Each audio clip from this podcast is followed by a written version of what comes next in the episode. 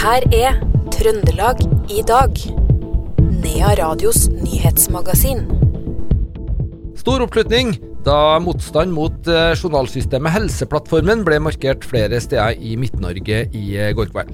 Og Holtålen-ordføreren ber militæret bidra til å finansiere ny Heksem bru i Haltdalen. Dette er noen av eh, sakene i Trøndelag i dag, tirsdag 14.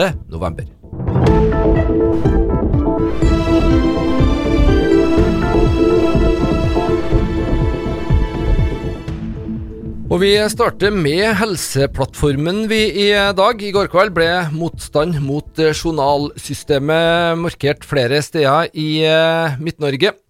Både ved sykehusene i eh, Namsos, Levanger og Trondheim gikk flere hundre i fakkeltog mot innføringa av systemet, som så langt har, en, har en prislapp på fem milliarder kroner. I Levanger var over 500 møtt opp til fakkeltoget. Et kraftig signal, sier en av initiativtakerne, Kristian Myrstad, lege ved sykehuset Levanger. Jeg tenker at Det sier noe om at eh, folk har forstått at det er alvor. At eh, det som eh, sies om utfordringene med Helseplattformen ikke er noe som kan passere. Og så tenker jeg også at Det viser at det er en vilje til å kjempe for å snu. Det er fortsatt håp for at vi kan få reversert det her. Eh, nå hørte vi flere appeller eh, fra scenen her. Det er historier om eh, sykepleiere, leger, helsearbeidere som ikke vil stå i jobbene sine. Hvordan er det å høre på det? Jeg syns det er veldig vanskelig å høre det. Jeg har veldig stor forståelse for det. Det er jo sånn at når vi jobber med folk, så står vi ovenfor uh, ofte de største livskrisene i livet til en person når, uh, når helsa svikter. Og at vi da ikke er i stand til å yte den hjelpa som vi per i dag uh, kan gi, fordi det skal innføres et journalsystem som motarbeider hvordan vi får gjort jobben vår.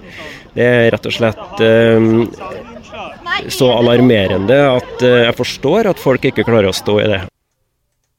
Det sa Kristian Myrstad, lege ved sykehuset Levanger. Og innslaget var laga av Knut Inge Skjem.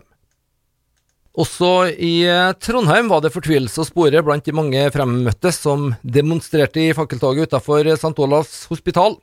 En av dem er overlege ved St. Olavs, Monica Engstrøm.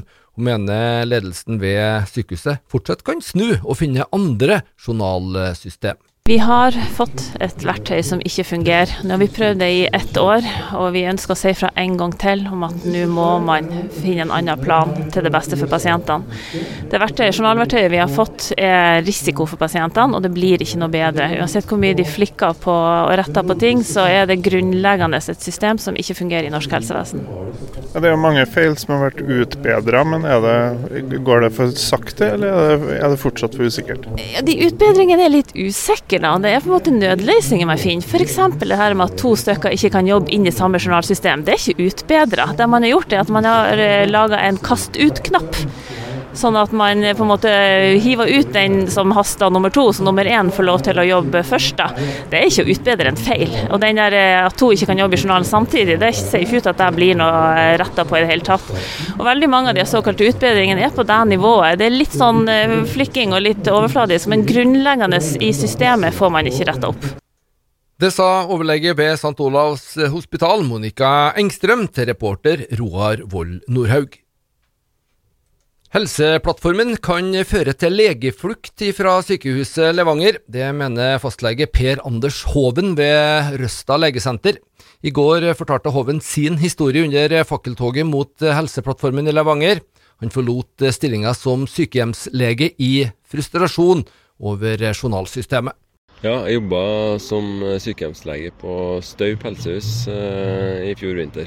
Eh, på demensavdelinga der.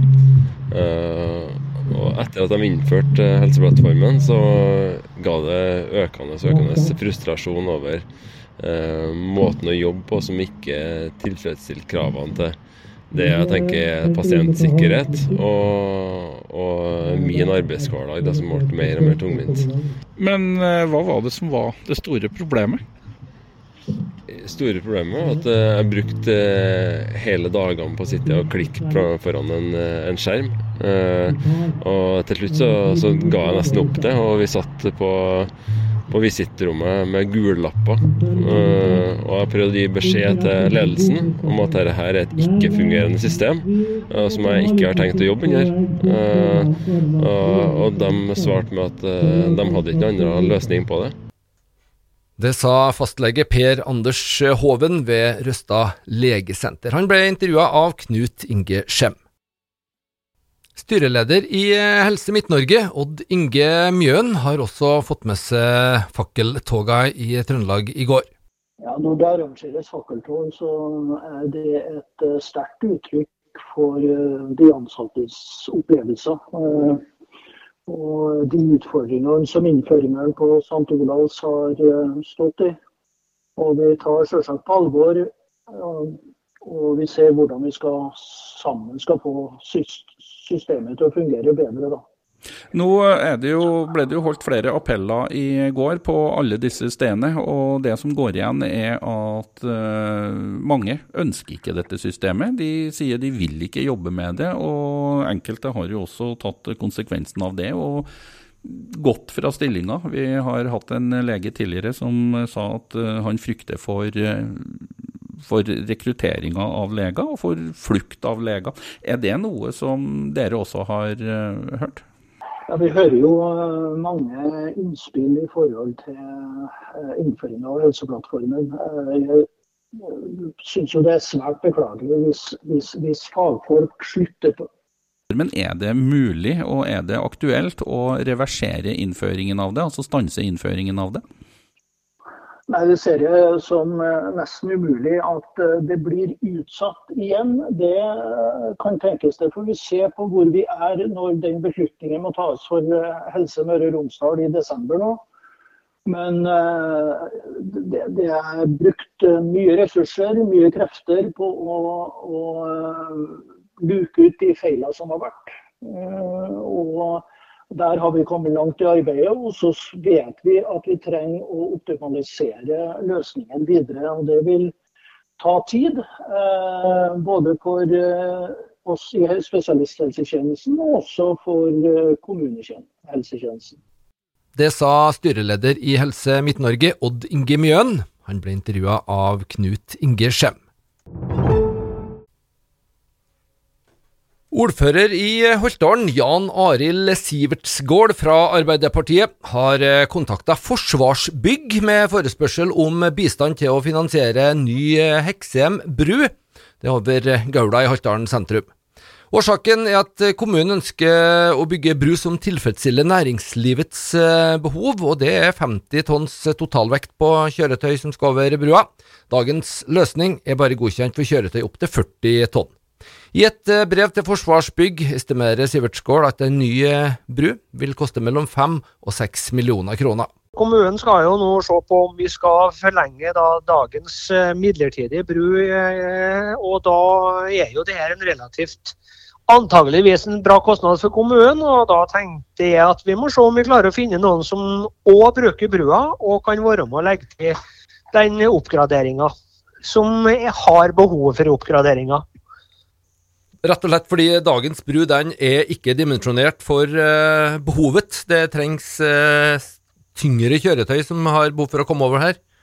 Ja, og da tenkte jeg må høre med Forsvaret som kjører over òg med tyngre utstyr, om det er slik at brua med dagens begrensninger er en, uh, et hinder for deres aktivitet. Da. Og er det jo det, så er det jo òg naturlig at de er med å legge til brua, tenker jeg.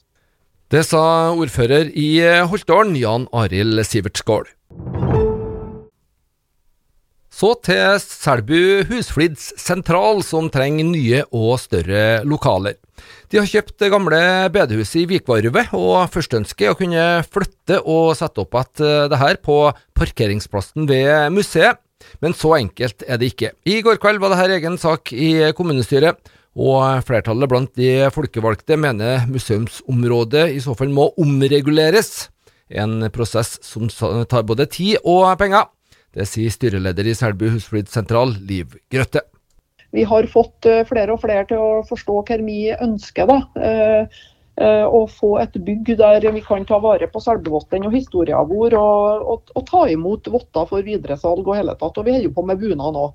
Sånn at eh, etter hvert så har vi fått flere og flere som er positive til oss. Eh, og planene våre, Men ting tar tid, og det, det, har vi akseptert. Det er ikke bare å, å tro at en kan ha en plan, og så er den gjennomført neste halvår. Sånn er det ikke. Hvordan opplevde du debatten i går? Altså, det var en del, faktisk en del som var litt kritisk til prosjektet deres òg? Ja, ja, ja da, jeg vet det. Eh, de fleste er ikke kritiske til det vi ønsker å, å ta vare på, nemlig kulturhistorien vår og det vi jobber med. Det, tror jeg, det forstår jeg at de fleste syns er bra, da. Det sa Liv Grøtte. Hun er styreleder i Selbu husflidssentral. I fylkesdirektørens forslag til budsjett så skal det spares 11,5 millioner kroner på utdanningsprogram innenfor kultur, musikk, idrett og yrkesfag ved de videregående skolene i Trøndelag. Toppidrettssatsinga på curling i Oppdal foreslås nedlagt, noe som skal gi en innsparing på knapt 600 000 kroner. Organisasjonssjef i Trøndelag idrettskrets, Kjell Bjarne Helland, syns ikke noe om dette kuttforslaget. Nei, absolutt ikke. Det var vel eh, de fleste, kanskje alle av oss innenfor idrett som er berørt av det der, eh, reagerte jo kraftig når vi så det forslaget. Men igjen, det er et forslag fra fylkesdirektøren, og vi har store forventninger til at eh, politikerne eh, tar til fornuft og ser betydninga av det totale tilbudet som vi har innenfor idretten. men vi, vi, er også tydelige, vi heier også på kulturen, musikken, i denne sammenhengen. For det, herre er fag, idrettsfag og ulike fagtilbud innenfor eh, også kulturen, som vi ser har positiv effekt i forhold til dem som greier å gjennomføre videregående skole. Det sa organisasjonssjef i Trøndelag idrettskrets, Kjell Bjarne Helland, til reporter Per Ole Aalberg fra Radio E6. Det var det vi hadde plass til i Trøndelag i dag, tirsdag 14. november. Du finner dette programmet også som podkast. I studio, Per Magne Moan.